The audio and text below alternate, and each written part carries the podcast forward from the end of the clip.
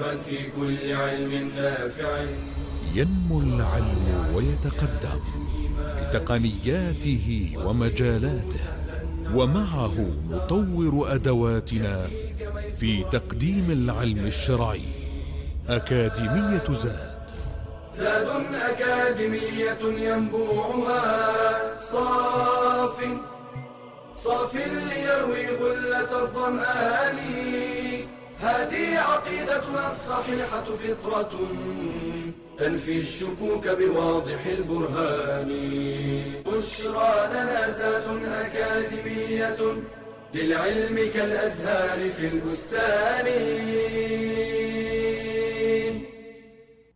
السلام عليكم ورحمة الله وبركاته. الحمد لله رب العالمين.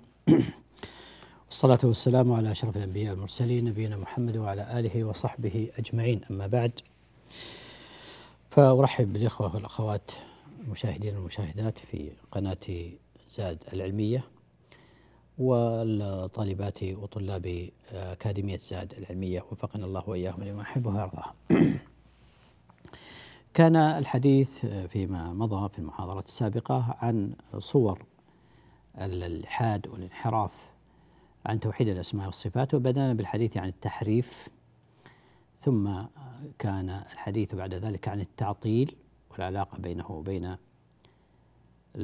وصور هذا التعطيل وتاريخ هذا التعطيل في هذه الأمة.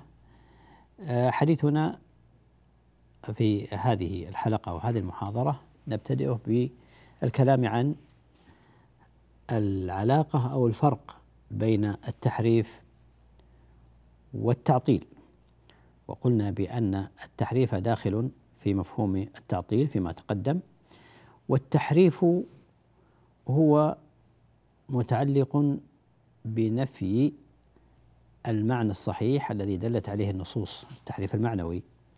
إذا استثنينا تحريف الألفاظ فهو نفي المعنى الصحيح الذي دلت عليه النصوص ويبقى أن يحمل على معنى آخر وإما أن يبقى مهملا من غير معنى.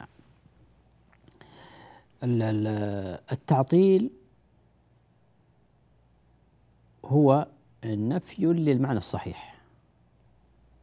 نفي للمعنى الصحيح من غير استبدال له بمعنى آخر.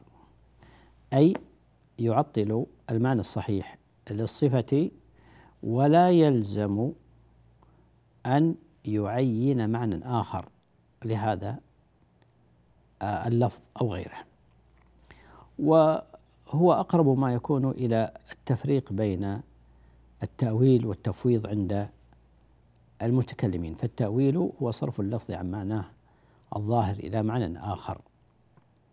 والتفويض هو صرف المعنى عن ظاهره من غير تحديد معنى آخر. آه هذا أقرب ما يكون في الكلام عن آه التحريف والتعطيل وعلى كل آه العلاقة بينهما وثيقة. فكل يعني إذا حرف الإنسان المعنى الصحيح فقد عطل الله عز وجل عن المعنى اللائق به سبحانه وتعالى. وعليه فإن كل محرف معطل ولا عكس. فقد يكون التعطيل من غير تحريف للنص. كل محرف معطل ولا عكس. بعد ذلك ننتقل إلى الحديث عن الصورة الثالثة من صور الانحراف في باب الأسماء والصفات وهو التكييف. والتكييف هو حكاية كيفية الصفة أنها على كيفية معينة على كيفية كيت وكيت. كقول القائل آه يد الله كيدي أو كيد الإنسان أو نحو ذلك من العبارات أو أن نزول الله عز وجل كنزول الإنسان أو غيرها من المعاني. معناه معنى التكييف هو جعل الشيء على حقيقة معينة من غير أن من غير تقييدها بمماثل. أن يجعل جعل الشيء على حقيقة معينة من غير تقييدها بمماثل. ومثال ذلك في التكييف حينما تقول الهاشمية من الرافضة أتباع هشام بن الحكم يقول إن طول الله تعالى كعرضه تعالى الله ما يقولون علوا كبيرا فهذا تكييف للصفة تكييف لصفة الله عز وجل. أو أن يقول إن طوله سبعة أشبار بشبر نفسه. فهذا وضع كيفية للصفة من غير دليل بلا شك ولا شك أن هذا هو من ما المنفي عن الله سبحانه وتعالى والذي ينزه الله سبحانه وتعالى أن يوصف بمثل هذا لعدم وروده لا في كتاب الله تعالى ولا في سنة نبيه صلى الله عليه وسلم. فالله أعلم بنفسه سبحانه وتعالى من غيره ولا سبيل إلى معرفة كيفية صفات الله عز وجل إلا عن طريق تعليمنا أو إلا عن طريق الوحي من الله عز وجل وليس ثمة أي شيء في هذا الجانب والله تعالى أعلم. أما التمثيل وهي الصورة الرابعة والأخيرة من صور هذا الإلحاد في أسماء الله وصفاته والانحراف فهي إثبات مثيل لله سبحانه وتعالى. والمثيل هو الند والنظير. هو الند والنظير والتمثيل والذي هو صورة من صور هذا آه، الإلحاد والانحراف. التمثيل هو الاعتقاد في صفات الله تعالى بأنها مثل صفات المخلوقين.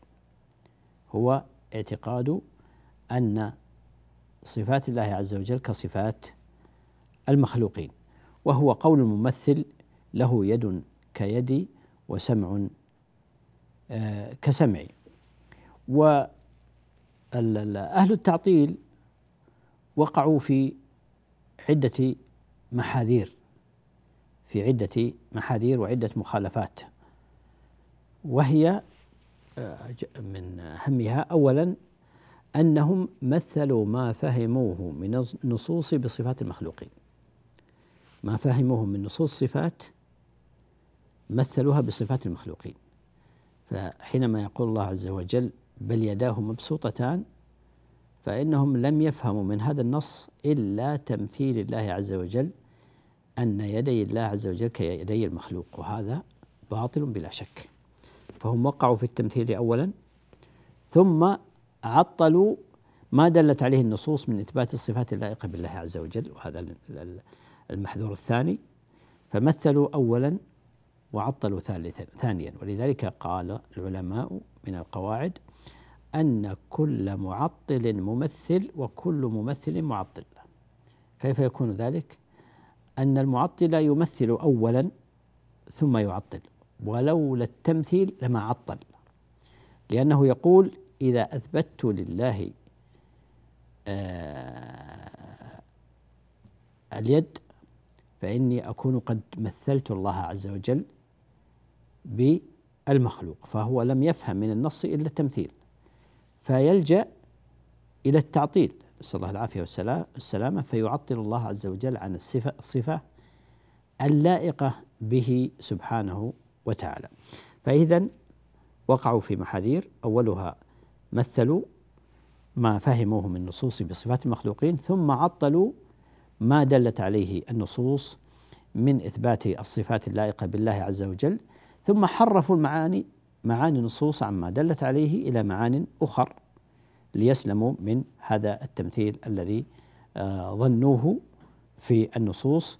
ثم وصف الرب عز وجل بنقيض ما دلت عليه النصوص من صفات آه، من صفات الجمادات والمعدومات وغير ذلك من الأمور. فاصل ثم نعود لاستكمال الحديث في هذه المسألة. والله أعلم. وصلى الله وسلم على نبينا محمد. بشرى لنا زاد أكاديمية للعلم كالأزهار في البستان.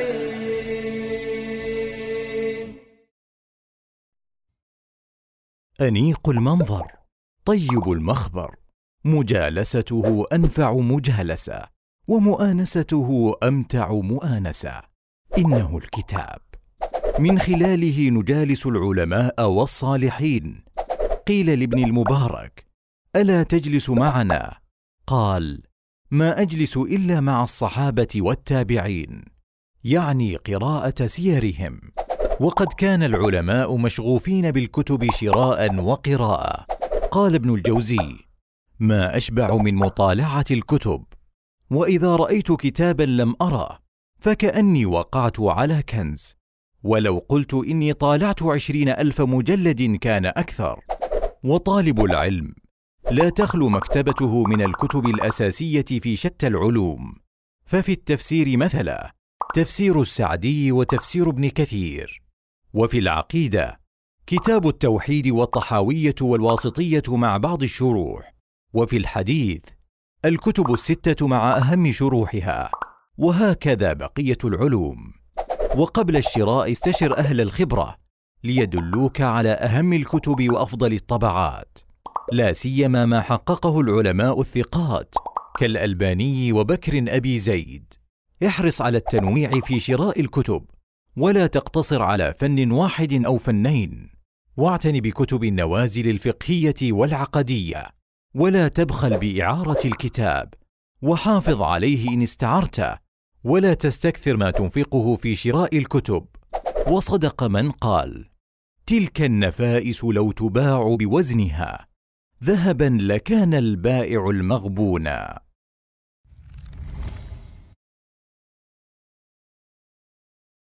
بشرى لنا زاد أكاديمية للعلم كالأزهار في البستان. الحمد لله. ذكرنا فيما تقدم الكلام على التكييف وهو حكاية كيفية الصفة.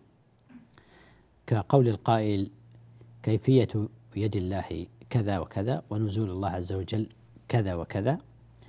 وذكرنا التمثيل وهو إثبات مثيل لله عز وجل وهذا ما نفاه الله عز وجل عن نفسه عز وجل ليس كمثله شيء وهو السميع البصير. ونشير هنا بعد ذلك إلى الكلام على التشبيه وهو إثبات مشابه للخالق سبحانه وتعالى. التمثيل يقتضي المماثلة و وهي المساواة للشيء من كل الوجوه. أما التشبيه فهو يقتضي المشابهة وهي المساواة في أكثر الصفات أو في بعض الصفات. وقد يطلق أحيانا يطلق التشبيه على التمثيل والتمثيل على التشبيه وخاصة عند المتكلمين عند المتأخرين. آه لذلك لو قلنا ما هو الفرق بين التمثيل والتشبيه فإننا نقول إن التمثيل يقتضي المماثلة من جميع الوجوه والتشبيه يقتضي المماثلة من بعض الوجوه مع أن بعضهم يطلق التشبيه على التمثيل والتمثيل على التشبيه. لكن التعبير القرآني جاء بنفي التمثيل دون لفظ التشبيه. وذلك كما في قوله تعالى ليس كمثله شيء وهو السميع البصير كما تقدم. وفي قوله تعالى فلا تضربوا لله الأمثال. فالأصل أن ننفي ما نفاه الله عز وجل وهو نفي التمثيل ونفي المثلية عن الله سبحانه وتعالى. ولذلك يعني نجد أن بعض أهل العلم فرق بين التمثيل والتشبيه مع أن هناك من يجعلها من المترادفات كما أشرنا إليه. لكن قبل أن نذكر هذا التفريق نجد أن القرآن استعمل نفي التمثيل دون التشبيه وهو أولى بأن يلتزم. الأمر الثاني أن الله عز وجل ذكر في كتابه عز وجل التمثيل والتشبيه. في الآية واحدة مع الفرق بينهما. فيقول الله عز وجل وقال الذين لا يعلمون لولا يكلمنا الله أو تأتينا آية قال كذلك قال الذين من قبلهم مثل قولهم. قال الذين من قبلهم مثل قولهم تشابهت قلوبهم. قد بينا الآيات لقوم يوقنون. فذكر التمثيل مثل قولهم والتشبيه تشابهت قلوبهم. فوصف القولين بالتماثل ووصف القلوب بالتشابه لا بالتماثل. لأن القلوب ال ال ال وإن اشتركت في هذا القول فهي مختلفة لا متماثلة. فدل ذلك على أن التمثيل غير التشبيه وإن كان وإن كانا يشتركان في بعض المعاني. هذا يجرنا إلى الحديث في مسألة الفرق بين التمثيل والتشبيه. فقلنا أولا المشابهة لها ثلاثة أقسام. المشابهة لها ثلاثة أقسام. مشابهة في الكيفية وهذا محرم ممتنع بلا شك. ومشابهة في معنى الصفة, الصفة أو أو في تمام الاتصاف ودلالة اللفظ عليه وهذا المرادف للتمثيل كقول قائلهم يد كيدي وسمع كسمعي وغيرها وهذا ممتنع بلا شك ومشابهة في معنى الصفة أي في أصل المعنى وهو مطلق المعنى وهو الذي التصور الذهني للمعنى وهذا ليس بمنفي. فالعين هي التي يبصر بها فيشترك الخالق والمخلوق في أن العين ما يبصر به والسمع الذي يسمع به لكن السمع لا يشبه السمع والعين لا تشبه العين لا تماثلها وهذا هو المنفي. ولذا صار لفظ التشبيه بناء على هذا التقسيم صار من الألفاظ المجملة الذي لا ينفى ولا يقبل بإطلاق إلا بعد الاستفصال والاستفسار. فإن عني المعنى الأول فهو باطل وإن عني المعنى الثاني فهو باطل وهو المرادف للتمثيل وإن عني المعنى الثالث فهو حق. فهو حق وإن كان التعبير عنه هنا كما قلنا في الألفاظ وفي المعاني التي لابد أن يكون اللفظ أيضا مشروعا ولهذا إذا عني بالتشبيه التمثيل كما هو الإطلاق عند المتأخرين عند المتكلمين فإن هذا منفي عن الله سبحانه وتعالى. وإن عني به مطلق المعنى فالمعنى ثابت في الخالق والمخلوق.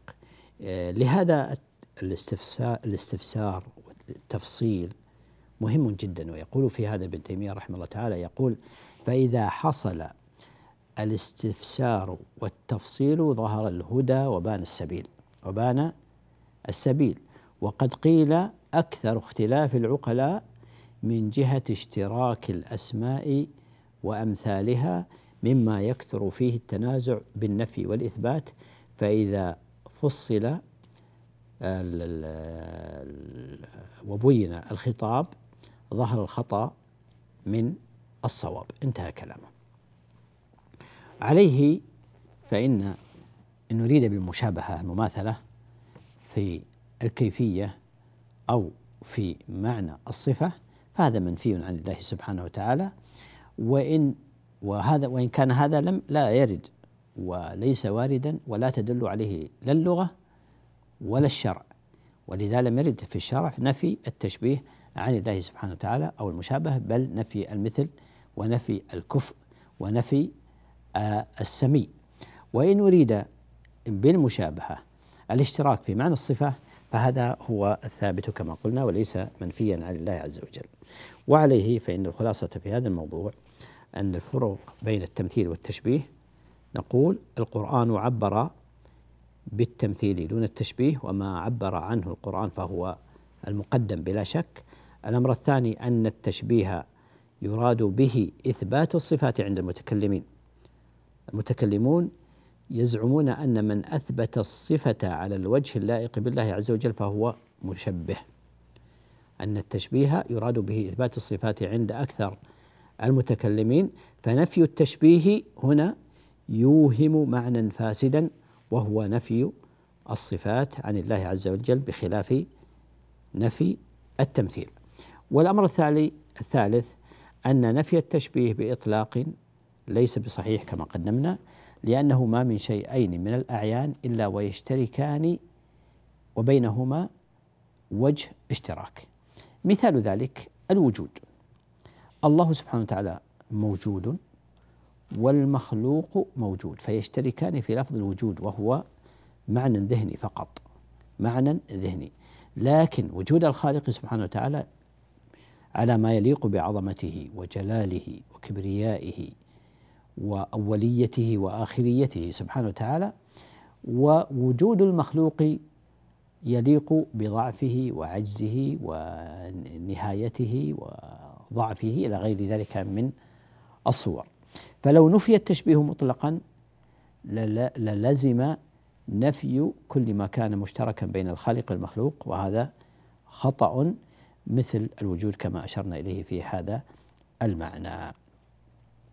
وعليه فإن الأصل في هذا هو نفي التمثيل ونهي نفي التشبيه إذا كان يراد به التمثيل ولكن لا لا في اللغة ولا في الشرع لا يطلق التمثيل على التشبيه بإطلاق كما قلنا وإنما فيه تفصيل ونستكمل الحديث في اللقاء بعد الفاصل إن شاء الله.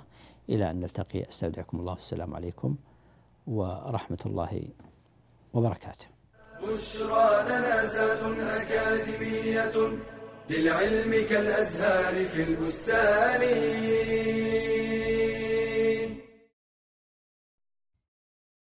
قد وصل بي الحال إلى الغفلة عن الطاعة والتكاسل في أدائها وكأني لا أشتاق إلى جنة ولا أرهب نارا ولا أخشى أن يتخطفني الموت في أي لحظة. ولا أدري ماذا أفعل. كانت هذه رسالة من شاب أصيب بضعف الإيمان. نتيجة تكاسله في طاعة ربه وغفلته عنها. ورأى من نفسه كثرة الوقوع في المعاصي. التدرج إلى معاص جديدة. التهاون في أداء الصلوات والتكاسل عن الطاعات. قلة ذكر الله ودعائه. عدم التأثر بآيات القرآن. عدم ذكر الموت أو التأثر به. كل هذه أعراض لها أسباب منها. التواجد في وسط تكثر فيه الغفلة وارتكاب المعاصي. التسويف وطول الأمل. شدة التعلق بالدنيا. والغفلة عن الآخرة وحسابها. الإفراط في المباحات. والإكثار من الكماليات والمرفهات. فمن أراد النجاة والفلاح فلينفض عن نفسه غبار التكاسل والتهاون والتسويف وليبتعد عن أهل الغفلة والسوء والهوى وليلتزم طاعة ربه ومرضاته وذكره ودعاءه وليحرص على صحبة صالحة تذكره إذا نسي وتعينه عند الفتور والكسل.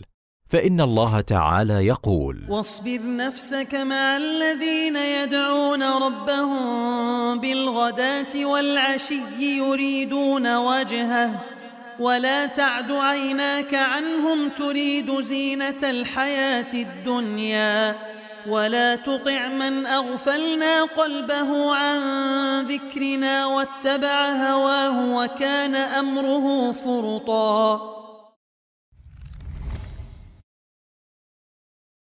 بشرى لنا زاد أكاديمية للعلم كالأزهار في البستان. السلام عليكم ورحمة الله وبركاته. الحمد لله والصلاة والسلام على رسول الله وعلى آله وصحبه ومن اهتدى بهداه. قبل الفاصل أشرنا إلى الكلام على التمثيل وعلى صوره وعلى آه، العلاقة بينه وبين التشبيه.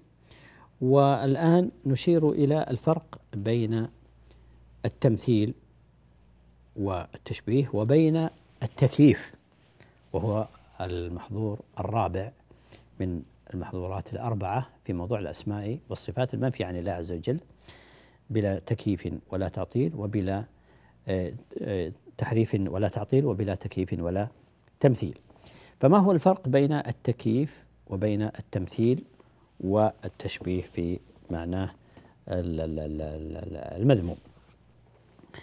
الفرق بينهما من وجهين. الوجه الأول أن التكييف أن يحكي كيفية الشيء.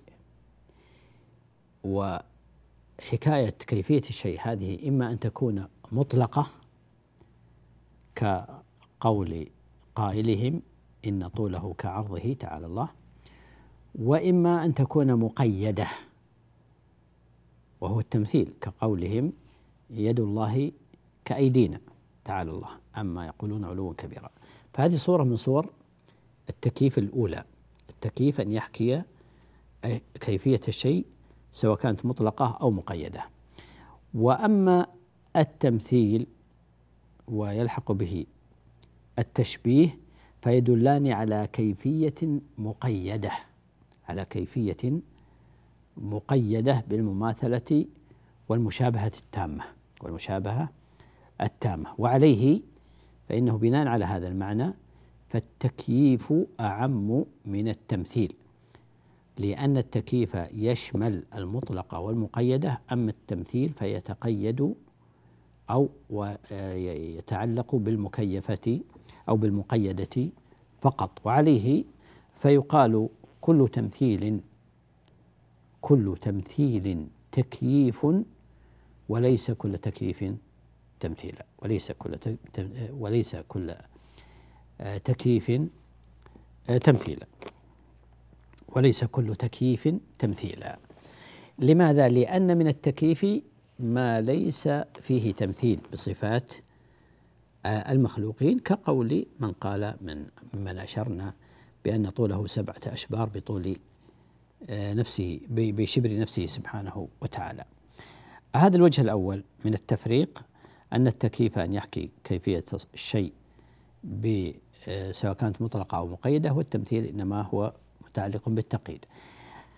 الوجه الثاني أن التكييف يختص بالصفات فقط. أما التمثيل والتشبيه فإنه إضافة إلى الصفات يشمل القدر ويشمل ويشمل الذات ويشمل غيرها من الأمور.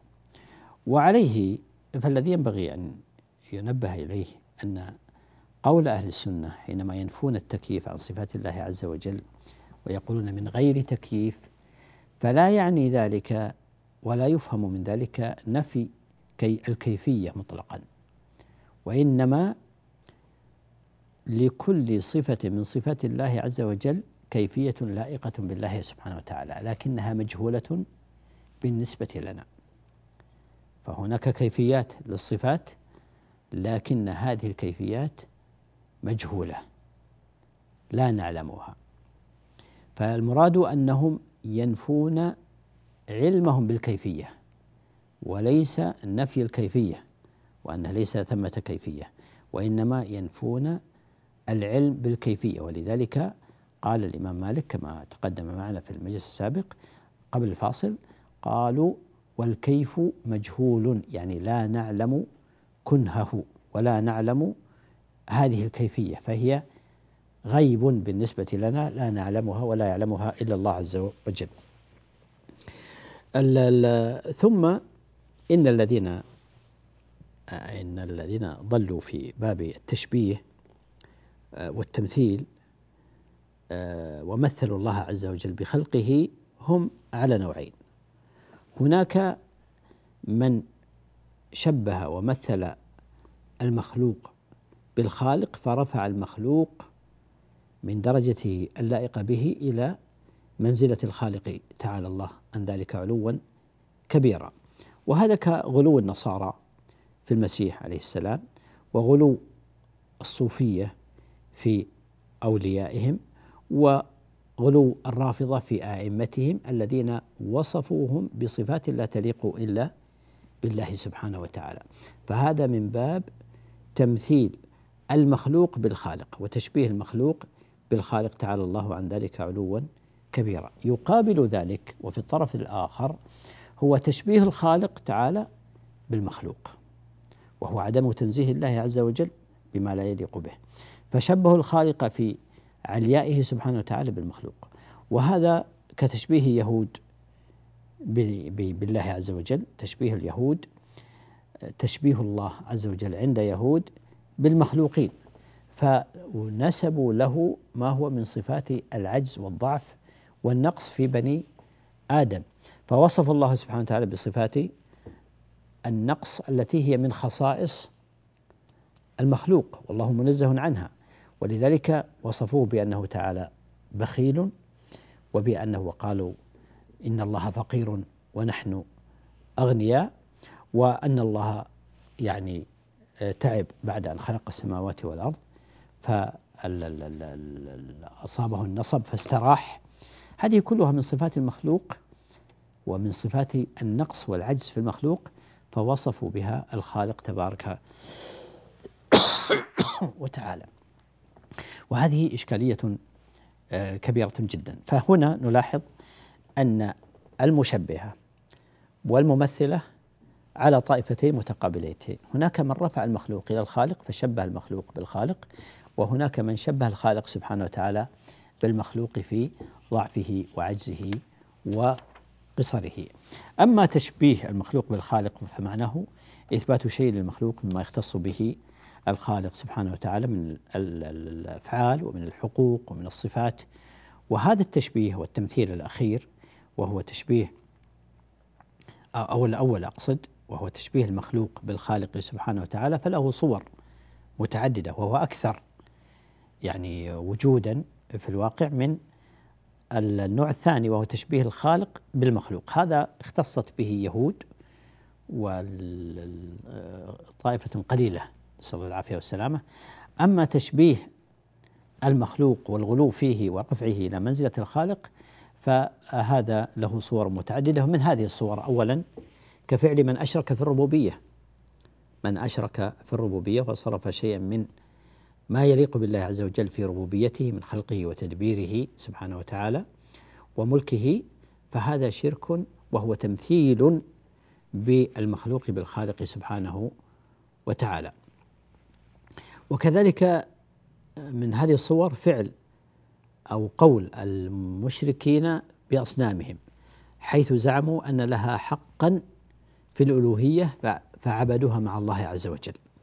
فصرفوا ما هو خالص حق الله عز عز وجل إلى المخلوق إلى المخلوقين فعبدوهم من دون الله سبحانه وتعالى بصور العبادة المختلفة المعروفة في هذا الجانب. وهناك أيضا من هذه الصور هو فعل الغلاة في مدح النبي صلى الله عليه وسلم أو غيره مثل آه، قول بعضهم فإن من جودك الدنيا وضرتها ومن علومك علم اللوح والقلم. فهذا من رفع المخلوق وهو النبي صلى الله عليه وسلم إلى ما لا يليق إلا بالله سبحانه وتعالى في جوده وفي علمه وإحاطته. تبارك الله. تعالى الله عن ذلك علوا كبيرا. أما تشبيه الخالق بالمخلوق فمعناه أن يثبت لله عز وجل في ذاته أو صفاته من الخصائص ما يكون إلا للمخلوق وهو مثل ما ذكرنا في آه، ما تقدم. ويقال أن تاريخ التشبيه في هذه الأمة أول ما عرف عند الرافضة آه، وأول من قال بهذا هو هشام بن الحكم الرافضي وقيل هشام بن سالم الجواليقي وكلاهما من الإمامية الرافضة. آه، فالرافضة أول أمرهم كانوا على التشبيه ثم بعد ذلك صاروا معتزلة جهمية ينفون الصفات عن الله سبحانه وتعالى. ممن نسب له في الإثبات المبالغة في الإثبات الكرامية أتباع محمد بن كرام السجستاني. بهذا نكون قد انتهينا من هذه المحاضرة. إلى أن نلتقي في آه، المحاضرة القادمة. أستودعكم الله الذي لا تضيع ودائعه. السلام عليكم ورحمة الله وبركاته. تلك العلوم دروسها ميسورة في صرح علم الراسخ الأركان. بشرى لنا بشرى لنا بشرى لنا زاد أكاديمية. للعلم كالأزهار في البستان.